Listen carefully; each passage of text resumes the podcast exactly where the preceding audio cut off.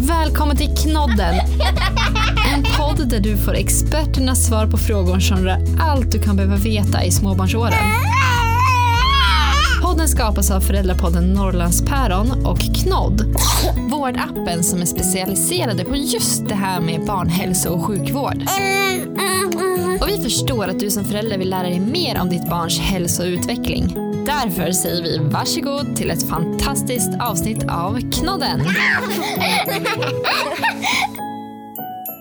Hej Sofia! Hej! Välkommen tillbaka till Knodden. Tack, kul. Det var ju ett litet tag sedan faktiskt du och jag pratade med varandra. Ja, det blev det nu, lite oväntat sådär. Men nu är du tillbaka. Nu är jag tillbaka, nu har jag lagt de andra projekten åt sidan så nu är jag tillbaka här hos dig. Superkul att ha dig med. Vi, idag ska ju vi prata om lite tips.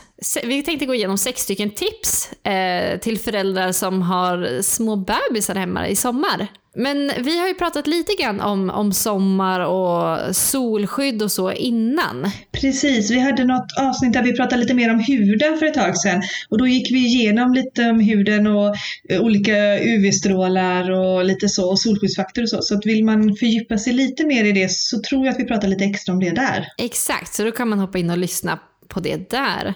Och sen så har jag pratat med eh, Tina hos er också. Eh, och det avsnittet ligger på Norrlandspäron där vi också går in lite mer djupare på, på just solen och solstrålarna och allt sånt där. Ja, för ni hade väl nästan ett helt avsnitt om det kanske? Ja, exakt. Mm, Så där finns det ju också. Men nu blir det ju sex stycken ganska praktiska eh, saker vi ska snacka om. Ja, precis. det blir lite så här bra att ha vetskap inför sommaren nu. Precis. Om vi börjar så här, för, för alla de som har nyfödd bebis hemma nu under sommaren. Hur, hur ska man klä sin bebis på rätt sätt när det är varmt ute? Precis, och det, det är lite trixigt för här i Sverige också har vi lite pendlande mm, sommarvärme så det kan ju variera mellan lite mer blåsiga dagar och lite soliga dagar. Men är det de här riktigt varma dagarna då är det tunna luftiga kläder. Eh, gärna kläder som andas och som till exempel bomull som gärna absorberar lite vätska och så också om de svettas mycket. Eh, så försöka tänka på det, men att gärna ha täckande kläder för barn under ett år ska ju inte vistas i direkt solljus. Eh, så man behöver ju skydda deras hud från solen. Mm. Och du sa också att det, ibland så har vi ju det blåsigt och lite kallare här. Hur skyddar man barnen vid sådana sommardagar? De skyddar sig ganska bra i sin vagn, för oftast om det blåser och sådär. Men annars blåser det väldigt mycket, då behöver de ju mussa. Till skillnad från när det är soligt, då ska de ju ha solhatt istället. Så att, eh, det är bra att ha något på huvudet oavsett årstid nästan. Precis. Och om vi fortsätter med vagnen som du pratade lite grann om. Mm. Hur, hur ska man tänka för att liksom skapa en bra miljö för bebisen i vagnen under sommaren? Ja, eh, samma sak där, att man tänker på vad är det barnet ligger på så det inte är någon eh, sån här frotté med plastunderlägg eller att det, så att det inte är så att det blir väldigt svettigt under barnet. Men också att man inte tar på allt för mycket utan tänk även där då luftigt och det finns ju sådana lite mer stickade filtar med lite hål i sådär så att det kan andas och, och sen så att man aldrig någonsin täcker över vagnen med en filt. Eh, det blir jättevarmt där inne. Mm.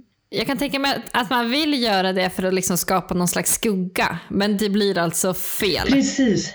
Det blir jättevarmt. Man har gjort tester på det och sett att det sticker iväg upp mot 42 grader på bara några minuter.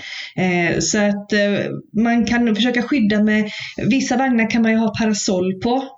Eh, och det är jättebra. Och för andra finns det ju såna här mm, solskydd du kan köpa som du kan liksom täcka ena sidan från det hållet solen kommer ifrån så att det inte blir helt täckt. Och ja, ja, suffletten kan ju funka väldigt bra. Det är väldigt olika från olika vagnar vilka, vad de har för grejer som kommer med. Ja, precis. Och hur, hur vet jag om mitt barn faktiskt blir för varmt när det ligger i vagnen? Bästa sättet att känna ett barns temperatur det är att känna på bröstkorg eller nackerygg. Eh, så att man inte känner på till exempel händer och fötter som kan vara kalla, till och med lite blå.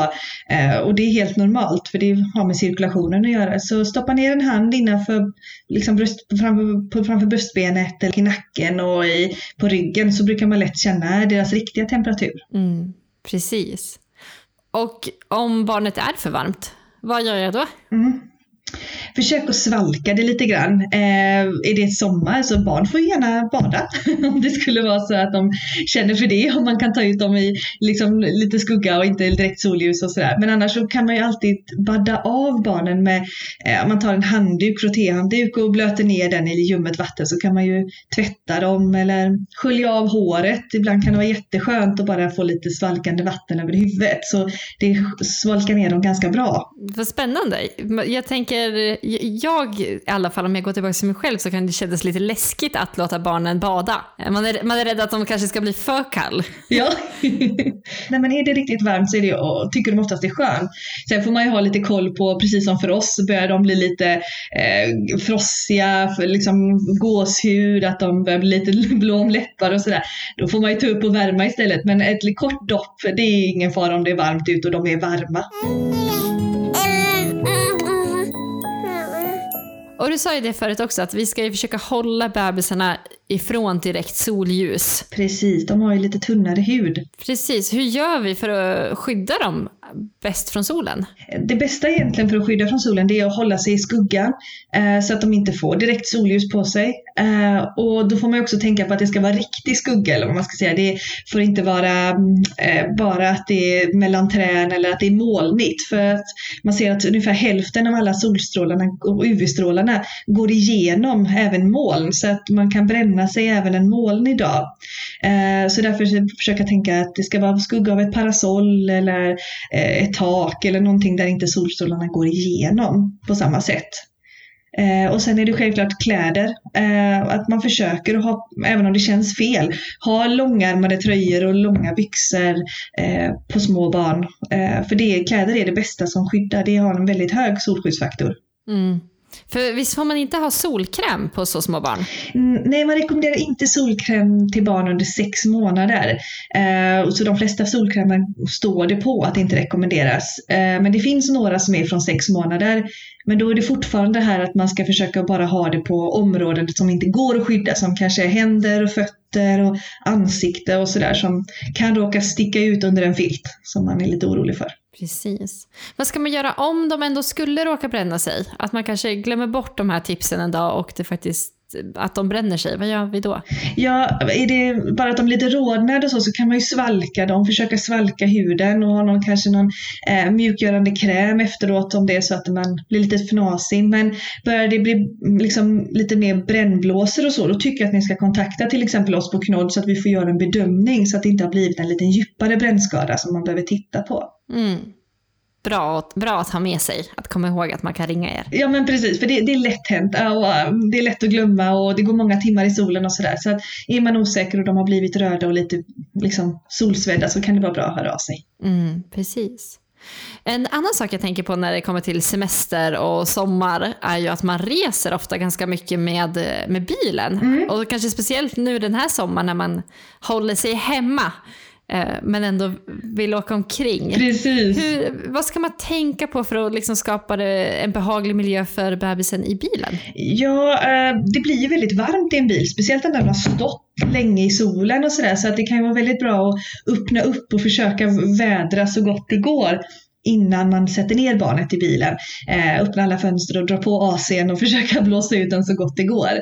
Eh, och även då tänka på saker som till exempel babyskydd. De, de, blir väldigt varma. De är ofta ett mörkt material så de suger åt sig mycket. Eh, och sen så, så att, att, sätta ner ett barn i en sån varm stol, det kan faktiskt till och med brännas eller göra lite ont. Så att eh, försöka ta ut den och ställa den i skuggan och se så att den svalnar lite. Eh, man kan också lägga något annat, eh, alltså skydda den från solen i bilen, att lägga en filt över den när det inte sitter någon i eller så, så att man, eh, den inte blir riktigt så varm som den kan bli om den står i direkt solljus. Hur är det med så här, AC? Jag tänker att, att där, där, kan ju till och med jag känna ibland om man drar på AC'n för mycket att man blir lite småförkyld.